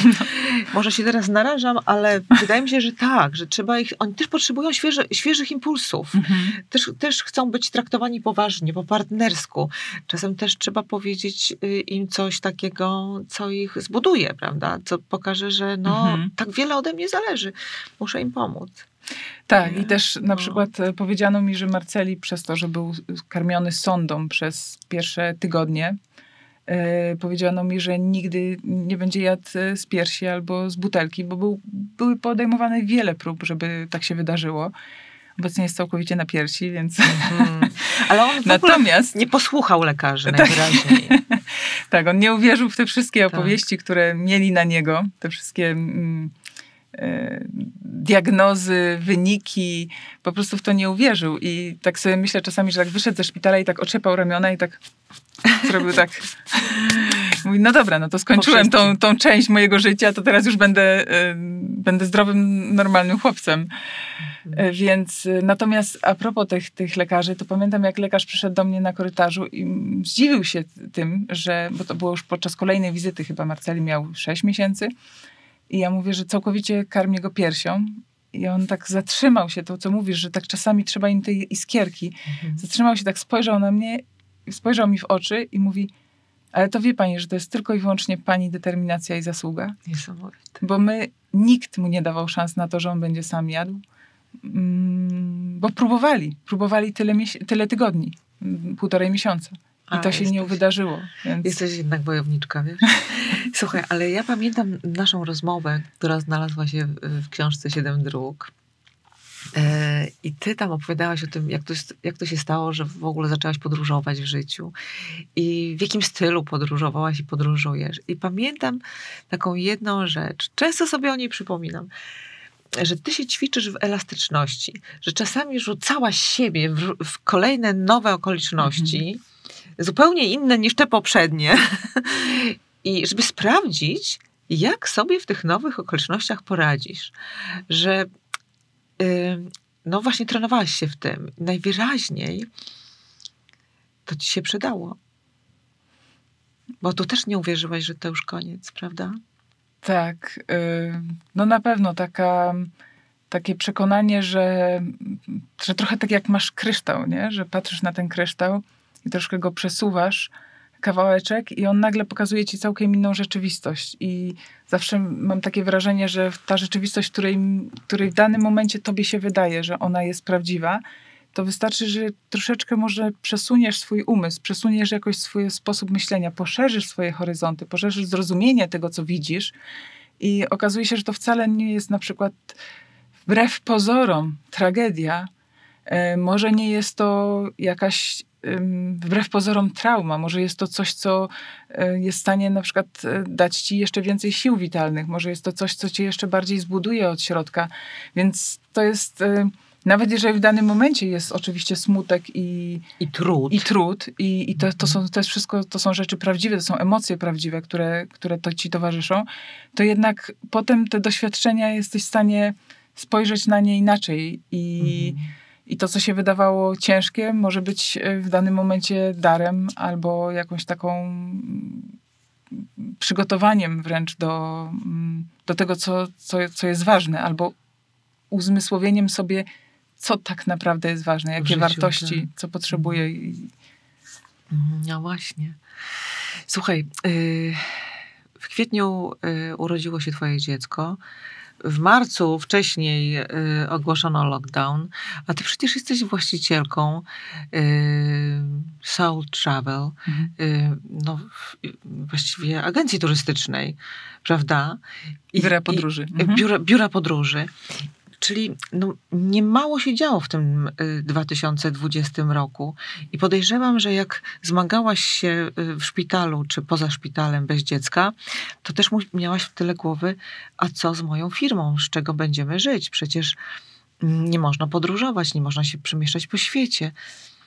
Opowiedz mi właśnie, jak wtedy funkcjonowała Twoja firma, jak Ty o tym myślałaś? No przede wszystkim wtedy dokładnie, kiedy Marceli były w szpitalu, to nic nie, nie było ważne. Mhm. Mm, firma w ogóle nie była ważna. Nawet pamiętam, że moja księgowa zadzwoniła do mnie i mówi, mm, zadzwoniła czy napisała SMS-a, bo pewnie nie odebrałam, że do jutra jest, jest możliwość złożenia mm, wniosku o dotację którą mogłabym dostać bez problemu, bo moja branża była najbardziej zagrożona. I ja mówię, ja tego nie zrobię. Jeżeli ktoś z Was jest w stanie to zrobić, to ja mogę Wam tylko kod SMS-a przesłać. Bo takie małe nawet rzeczy były po prostu zbyt wielkie dla mnie na ten moment i, mhm. i nie byłabym w stanie tego zrobić. Natomiast e, to, co zaprocentowało w tym momencie, to zespół, który zbudowałam, zespół Soul Travel, który zbudowałam i który wtedy bardzo dobrze się odnalazł w rzeczywistości, czyli mm, owszem, firma weszła na zmniejszone obroty, bo to nie jest duży zespół, zaledwie dwie osoby, trzeci i, i kilka osób, które są tak jakby związane na, z firmą, jak księgowość czy, czy osoby B2B. Natomiast y, to spowodowało, że mogłam na nich liczyć i oni po prostu mm, trzymali w ryzach firmę do, do momentu, kiedy ja w lipcu mogłam powoli zacząć myśleć o jakichś nie o nowych projektach, ale w ogóle o zarządzaniu z powrotem mm. działaniami w firmie. Ja to się bałam, że ty w ogóle zaczniesz myśleć o zmianie profesji, tych nowych okolicznościach. Nie, no to, to byłoby jeszcze nie dodatkowa cegiełka. No. Wyobraź sobie, żeby jeszcze zmienić profesję, to już w ogóle firmę prze, ale cieszy mnie to, co tory. mówisz, że to jednak, wiesz, że to było trzymane w rękach dzięki temu, że wcześniej zainwestowałaś w, w integrację zespołu. Tak, i mhm. też ym, to było tak, że w lutym my jako branża turystyczna już wiedzieliśmy, że pewne rzeczy, że jakby wyjazdy do Chin są ograniczane, że to prawdopodobnie się wydarzy też na, w innych miejscach na, na świecie.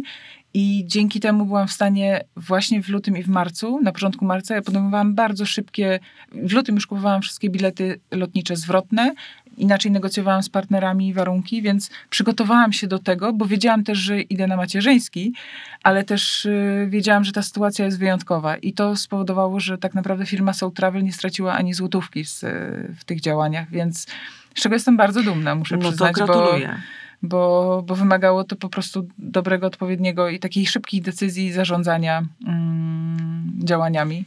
No właśnie, słuchaj, no to dobrze, ale powiedz mi tak, jak twoim zdaniem pandemia zmieni sposoby podróżowania?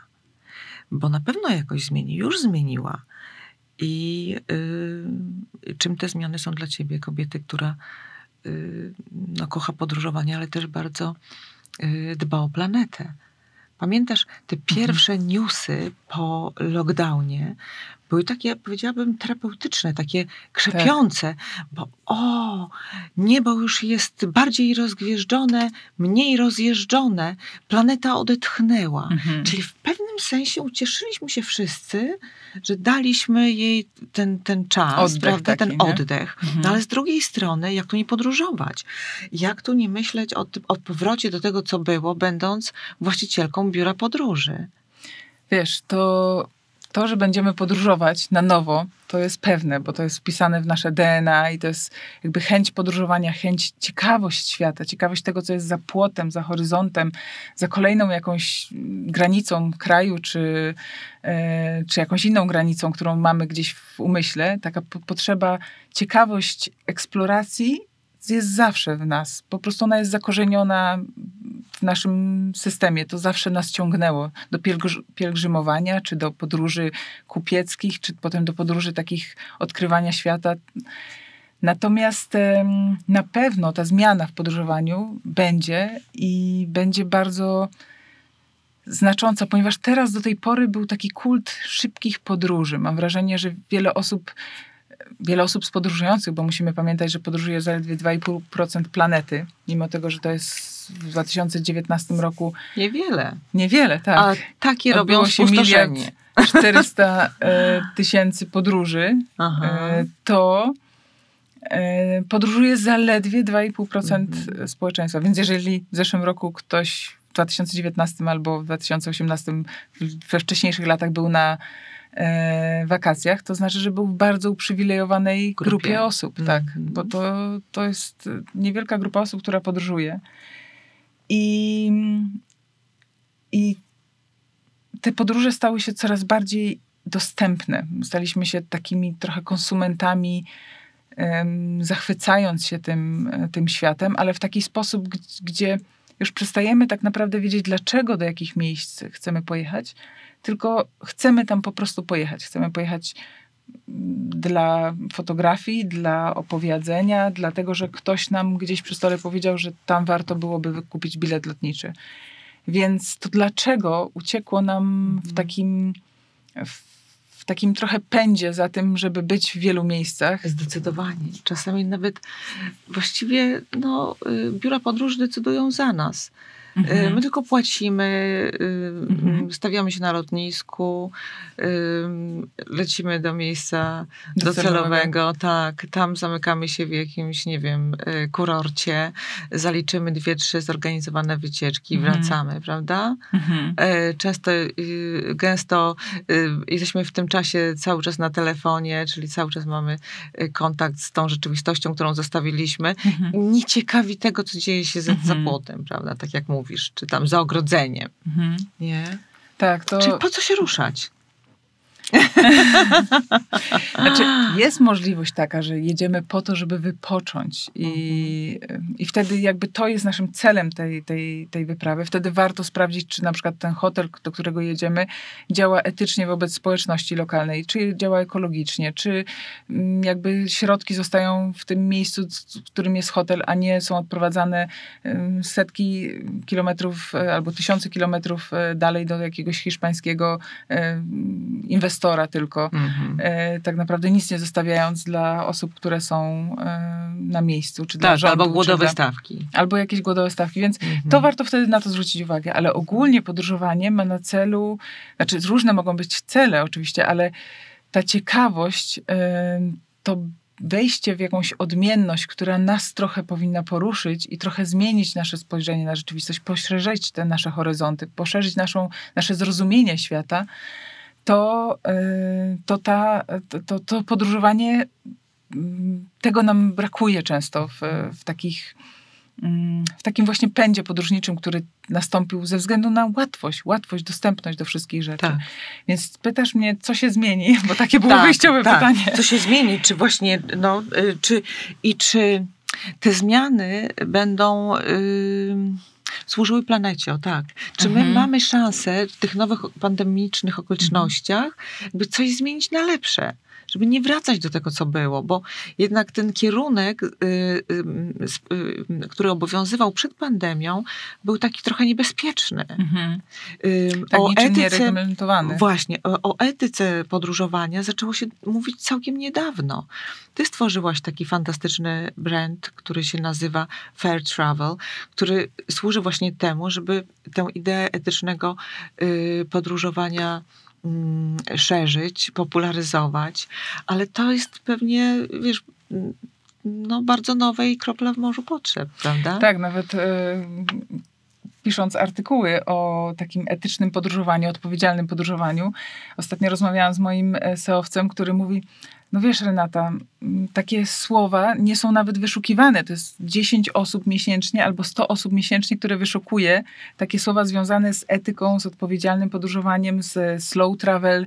Mówi, nawet trzeba wytworzyć rynek dopiero, mhm. żeby móc na, pod niego pisać artykuły, bo tak naprawdę nawet słów dobrze nie wiemy, w jaki sposób e, odpowiedzialny podróżnik, jakich słów używać, tak. żeby, żeby o tym mówić.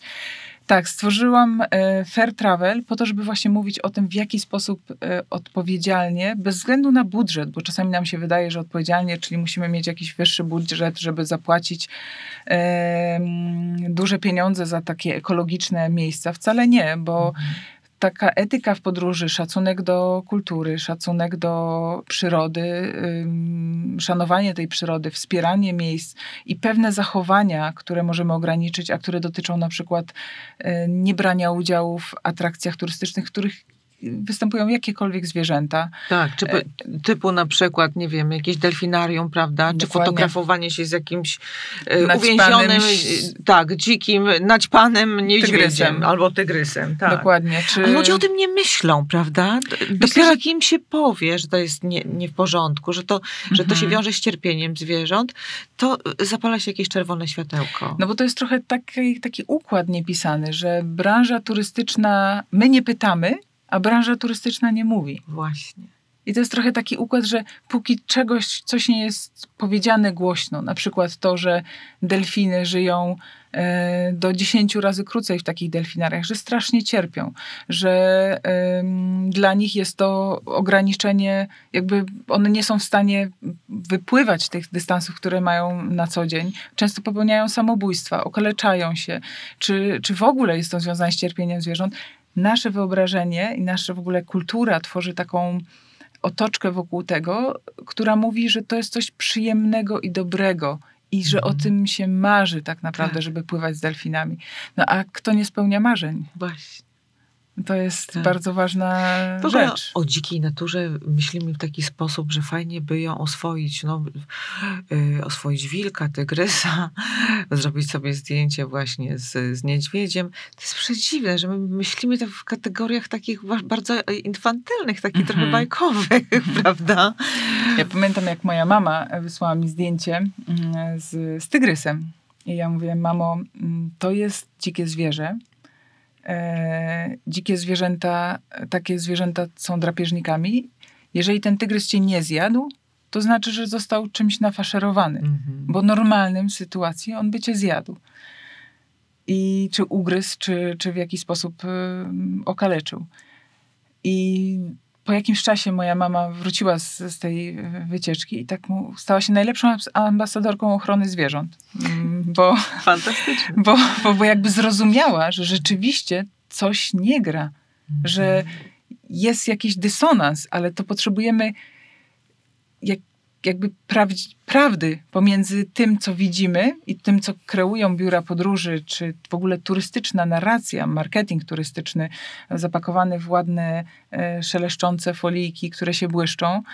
I, I to jest coś, co, co widzimy, a pytanie jest, mm, ale prawda wygląda trochę inaczej, -hmm. albo znacznie inaczej.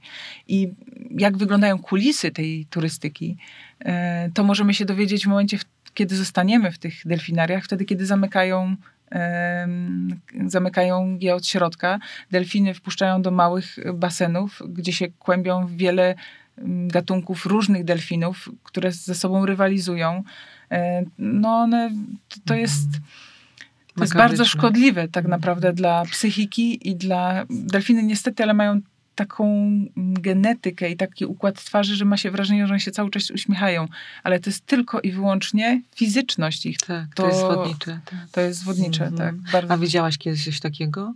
Właśnie tak po zamknięciu delfinarium? Czy znasz to z opowieści? E, znam to z filmów, e, który, z filmów dokumentalnych o delfinach. Nigdy, ja byłam trzy razy w życiu w delfinarium, ponieważ w tej turystyce jestem na tyle długo, że mogłam popełnić już wszystkie błędy, jakie były możliwe dla zwykłego śmiertelnika. Czyli masz jakieś grzechy na swoim sumieniu. Ależ oczywiście. Mhm. No, Normalna teraz, jesteś, i ta, na szczęście. Tak, tak, ja, ja właśnie y, dopiero, dopiero czasami potrzebujesz wejść w jakieś miejsce, żeby się dowiedzieć, że ojej, to tutaj rzeczywiście to nie jest to, to, to nie działa, jednym słowem, że mm, potrzebujesz czegoś doświadczyć. Ja też jeździłam na słoniach, robiłam naprawdę wiele rzeczy, które sprawiły, że teraz jestem właśnie mądrzejsza od doświadczenia mm. i wiem, dlaczego tego nie chcę, bo nie chcę, żeby jakiekolwiek zwierzę cierpiało, tylko dlatego, że ja się bawię, tylko dlatego, że ja mam wakacje. I zwierzę czy człowiek, bo to tak naprawdę czy natura, przyroda, mm, tylko dlatego, że ja chcę pojechać na szybkie, wygodne wakacje, to, to wykarczują część lasu, albo tylko dlatego, że to w ogóle się dotyczy wielu wyborów. Tak. Choćby jedzenia awokado. No właśnie. No. Ciągle nam, fajnie. ciągle nam się otwierają oczy na coś nowego, ale dobrze, że o tym mówisz. Ale wygląda na to, że um, twoja inicjatywa Fair, y, y, fair Trade. fair ale stąd travel. właśnie się wywodzi, tak, że jasne. To jest, skoro jest Fair Trade, tak, to tak. możemy też Fair Travel. No ale jeszcze dużo pracy przed wami, najwyraźniej. Y, przed nami wszystkimi chyba. Przed, nasz, przed nami wszystkimi, tak. tak. Powiedziałaś mi jakiś czas I temu... to jest taka kwestia, mhm. tylko jeszcze dodam, tak. tak że... Mm, że to jest, tak się wydaje, że to jest bardzo ciężkie, mm, takie właśnie, mm, że to jest pracochłonne, żeby zmienić swoje przyzwyczajenia, ale tak naprawdę często się to dzieje w ułamku sekundy, kiedy rozumiesz, kiedy naprawdę zrozumiesz albo poczujesz, jak mogłaby się czuć ta druga osoba, kiedy poczujesz to, że twoje płacenie e, stawek tragarzom w Nepalu powoduje, że oni nie będą mogli zarobić na najprostsze potrzeby swoje, a ich dzieci nie pójdą do szkoły, to przestajesz chcieć się targować o każdy cent mhm. i dajesz napiwek, który sprawi, że ich syn będzie mógł na przykład skorzystać z internatu przez najbliższy rok. Mówisz, dobrze, da, zapłacę te 150 dolarów więcej, ponieważ wiem, że moja pomoc jest realna i jeżeli ja oszczędzam, jeżeli ja nie pozwalam temu światu na to, na uczciwe zarobkowanie, bo dlaczego tam ci ludzie zarabiają taką stawkę, a my tutaj tak. za tyle samo godzin pracy taką stawkę, to dlaczego ja nigdy nie chcę tego wyrównać? Dlaczego no mi się wydaje, że tak to Co, powinno wyglądać? Jak weszłam na waszą stronę, to właśnie te napiwki mnie tak, tak słuchaj, zaintrygowały. Myślę sobie, tak, rzeczywiście tym lokalnym pracownikom, którzy obsługują tych y, turystów, w tym mnie, trzeba po prostu zostawiać porządne napiwki, bo oni z tego żyją. I to i jeżeli my im tego nie, zostawiam, nie zostawimy, no to y, pracodawca t, mhm. też podwyżki nie da, prawda? No tutaj jeszcze trzeba się dowiedzieć, bo są różne kraje i różne orako to jest czasami na przykład osoby nawet nie mają tych, tego wynagrodzenia i żyją tylko z napiwków. Mhm. Czasami to wynagrodzenie jest na przykład jest niewielkie, ale mm, kwestia jest taka, że będąc przez chwilę tam, no nie zmienimy rynku na Filipinach, czy w Uzbekistanie, czy w jakimś innym kraju. No nie jesteśmy w stanie w ciągu dwóch tygodni naszych wakacji zmienić całego systemu tego, żeby rzeczywiście ktoś zaczął uczciwie płacić wszystkim pracownikom, którzy pracują w hotelu. Ale możemy w jakiś sposób wspomóc, czy właśnie taką, taką pomocą, bo dla nas 50 dolarów to może jest mhm. nie aż tyle co dla tego człowieka, który kupi y, przybory do szkoły i mhm. ubranka dla to swojej córki. Życie. I tak. tak. I to jednym słowem, nie chodzi o to, czy. Chodzi o to, żeby się podzielić. Dzielić się tym, co jeżeli mi jest dobrze, to dlaczego ktoś, kto daje swój cały czas i całą swoją energię w to, żeby moje wakacje były wspaniałe, dlaczego z nim się właśnie nie podzielić czymś? Mhm. Bo owszem, ta osoba stoi za wielkim hotelem i wydaje się tylko być częścią wielkiego pracowniczego hotelu, ale każdy biznes to są ludzie. Każdy, więc tak naprawdę my jesteśmy jako człowiek, jedziemy do takiego hotelu i możemy widzieć drugiego człowieka w tym pracowniku i wtedy mu pomóc w jakiś sposób. Może nawet zapytać, czy coś potrzebuje. Może w jakiś Mhm. sposób y, jeden na jeden Tak, wiedzieć, że... dogadać się. Dogadać się, No, tak. dokładnie. No dobrze, Renata, a czy może mm, jakaś historia, jakaś osoba, e, ktoś niezwykły, ktoś bardzo mądry przypomina, się, przypomina ci się akurat w kontekście tej naszej dzisiejszej rozmowy? Mm, Wiesz, to jest bardzo ciekawe, bo kiedy myślę o takich wojowniczkach, o kobietach, które, które mają w sobie siłę do przechodzenia różnych trud, trudności, czy też potrafią wziąć odpowiedzialność nie tylko za siebie, ale też za swoją społeczność na przykład, albo za szersze grono osób, to nie myślę wcale o takiej sile, mm, która jest widoczna. Tego nauczyła mnie Turama. Turama jest e, żoną Marakame, mojego przyjaciela od 2007 roku. E, Uzdrowiciela, lidera społeczności, szamana z tradycji Viraritari w centralnym Meksyku. Jest to o tyle ciekawa kultura, że przez 200 lat po konkwiście e, tamtych terenów Meksyku e, ta, ta społeczność w ogóle nie została odnaleziona mm, ze względu na niedostępność, na by, bycie mm, w, w wysokich terenach górskich. Przez co zachowali swoją naprawdę niesamowitą kosmowizję, swoje tradycje, rytuały, zwyczaje. I, I między innymi jednym z takich zwyczajów jest pielgrzymowanie na świętą ziemię Wirikutę. Kiedy wyruszyliśmy, pojechałam do, właśnie do, do ludzi Viraritari, wyruszyliśmy na taką pielgrzymkę. Pielgrzymowanie, czyli początki w ogóle jakiejkolwiek turystyki, e, to, to e, wyrusza się tam z rodziną. Wyrusza lider społeczności, ale też wiele rodzin. Zazwyczaj około 40-50, nawet 100 osób, które mm, razem em, jadą na ziemię, modląc się do swoich przodków, ale też mówią, że jadą się uczyć, ponieważ tak naprawdę ta ziemia to jest ich uniwersytet. Tam się wydarzyły wszystkie historie przodków. Tam można znowu Mhm. usłyszeć rytmy ziemi. Tam można usłyszeć, kim jestem i dlaczego tak naprawdę, czemu służę e, na tym świecie. I pamiętam taką em, sytuację, w której zobaczyłam, że tak naprawdę nie trzeba wy- wyrażać jakichkolwiek, nie, nie trzeba mówić jakichkolwiek słów, żeby być zrozumianym. Mhm. Bo Turama mówi bardzo niewiele, żona Marakame mówi bardzo niewiele. Tak naprawdę po prostu jest, ale jej obecność się bardzo mocno czuje. Czyli jak ona oddziałuje?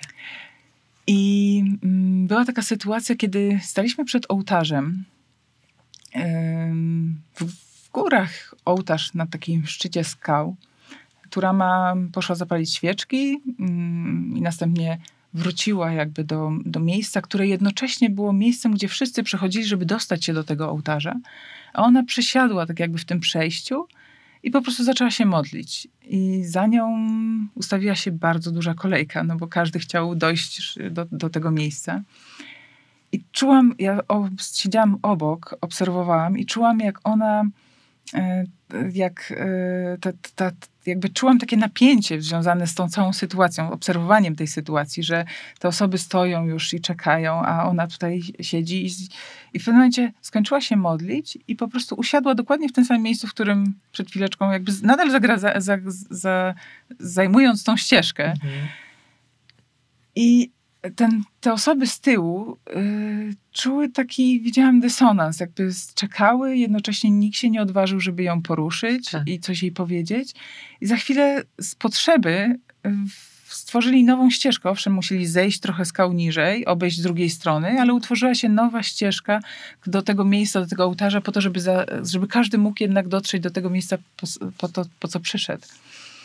I w tym momencie tak do mnie dotarło, siedziałam na tym kamieniu, mówię tak, no tak, my kobiety po prostu zazwyczaj, ja też mam takie doświadczenie życiowe, że ja tak jakby jestem na tych mojej ścieżce życiowej, ale jeżeli ktoś potrzebuje mnie przesunąć, to ja mówię, dobrze, to ja ci się przesunę na chwilę, to ja przesunę się tutaj gdzieś, że w jakiś Mhm. sposób zwracamy uwagę na Ustępujemy. to, ustępujemy. Mhm. A tam zobaczyłam, że ona po prostu ze spokojem i taką koncentracją, ale już nie modląc się, więc w sumie niko, nikomu by nie przeszkadzało do tego to, że, że ona mogłaby się przesunąć. Ona też Tak. mogłaby się przesunąć, ale nie. I tak zrozumiałam, że kiedy wiesz, dlaczego w jakimś miejscu jesteś, kiedy robisz coś, ale z pełną koncentracją, to świat wydrepcze sobie swoją własną ścieżkę. Tak, a ty się trzymaj swego. A ty się trzymaj swego. I świat sobie poradzi. I ty się w ogóle nie musisz przejmować No, tymi ludźmi, którzy są dookoła. mnie teraz.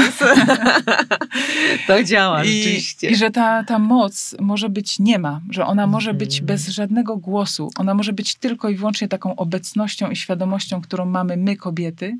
Taką świadomością tego, że ja wiem, co ja tu robię, ja wiem, po co ja siedzę na tym kamieniu, ja wiem, po co jestem na tej ścieżce i nikt mnie nie zatrzyma, ani nie dam się przesunąć. Tak. I, I to jest to, że nie robię nikomu źle. Ja po prostu jestem taka jestem, jaka jestem i wiem, e, po co przyszłam na ten świat do Tak. tego życia. tak. I Naprawdę tak. nie trzeba słów.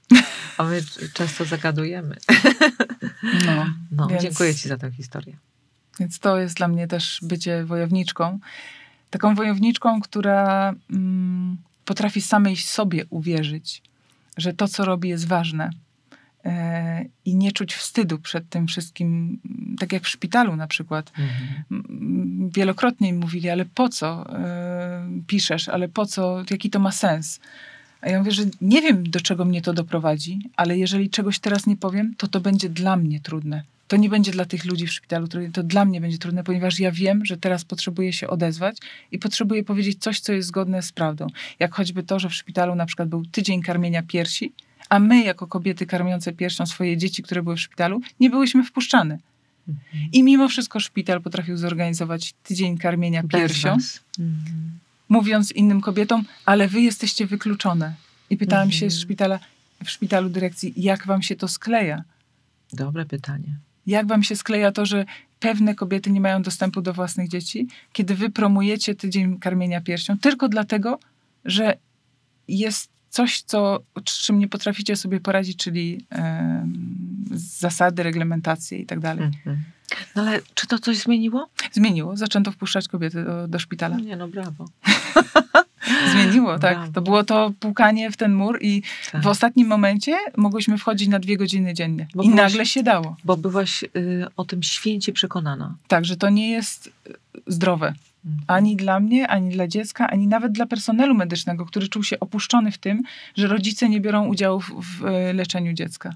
I muszą cały czas oni podejmować nie tyle decyzje, ale oni muszą informować rodziców i być przekaźnikami, gdzie rodzice na co dzień zazwyczaj byli z tymi dziećmi, więc nie potrzebowali wiedzieć, czy machnął prawą rączką, czy lewą i co się dzieje z dzieckiem. Tak, Renata, dziękuję Ci za tę opowieść, bo to jest też o tym, że czasem trzeba coś zrobić e, szerzej. Nie Mhm. tylko dla siebie, prawda? A to na pewno. No. Potem rozmawiałam z wieloma kobietami, które, e, które również się odważyły na pisanie listów do dyrekcji i na działanie. I, I dzięki temu też mogły uzyskać pewne prawa. I to działa. Powiedziałaś coś takiego e, chwilę przed naszym dzisiejszym spotkaniem, może nie chwilę, tam kilka dni wcześniej. tak, że ludzie będą podróżować, bo mają taką potrzebę i, i świat nadal jest tak samo e, fajny, tak samo piękny, tylko no, będzie miał więcej zasad. I to są te zasady, o których teraz powiedziałaś, ale to mogą być też zasady związane z, z pandemią. Tak, na pewno będziemy bardziej uważnie mm, przemieszczać się z kraju do kraju, ponieważ te kraje mają na ten moment różne ograniczenia.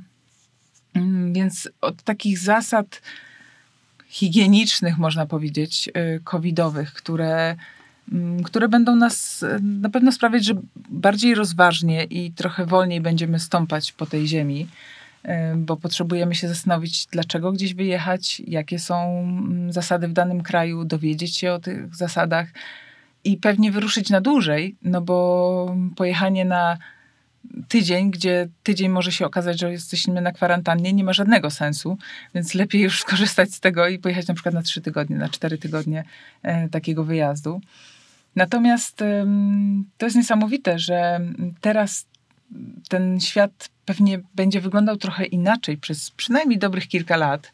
E, Linie lotnicze już zapowiadają, że, że żeby wrócić do tych jakby takiej ilości pasażerów e, prze, przemieszczanych z kraju do kraju, to potrzebują przynajmniej kilku lat, więc Wiemy może nawet 5-10 lat, więc wiemy, że tych pasażerów, którzy będą się przemieszczali między krajami, będzie o wiele mniej. I też turystyka będzie dużo spokojniejsza w mniejszych grupach, w mniejszych skupiskach e, ludzi, w mniejszych grupach. I wiele miejsc w tej chwili na świecie wygląda naprawdę magicznie, bo, bo Jest teraz pusto. jest pusto. Tak. Aż takie ma się wrażenie, że jest się w przepięknym miejscu, w jakimś takim wyjątkowym i jest się samym i się zastanawia, czy to na pewno jest to miejsce, może to, to jednak jest kawałeczek dalej ten klif, bo, bo, jest, bo tutaj nikogo nie ma, a jesteśmy tak przyzwyczajeni do tego, że stoimy zazwyczaj w tłumie, e, albo przynajmniej w takim tłumie masowym, bo jest nas dużo w jednym miejscu, albo ciągle ktoś tam przyjeżdża. Tak. A tutaj mm, pozwala to naprawdę na niesamowite podróże, niesamowitą eksplorację. Tym bardziej, że tak jak my tu żyjemy i jednak funkcjonujemy, tak po tym jak przekroczymy te wielkie skupiska, czyli lotniska w danym kraju, e, w stolicę i wyjedziemy na prowincję, to życie się toczy całkiem inaczej tam. I ludzie po prostu nadal są tymi samymi życzliwymi, dobrymi ludźmi. I świat jest nadal tak samo bezpieczny, bo, bo tak naprawdę jest po prostu mm, pandemia jest częścią grypy, która nas y, może dopaść zarówno tutaj, jak i w różnych innych miejscach na świecie. Jeżeli mamy jakieś problemy zdrowotne, to potrzebujemy zadbać o to, żeby system zdrowotny w danym kraju, do którego jedziemy, był dobry, na dobrym poziomie.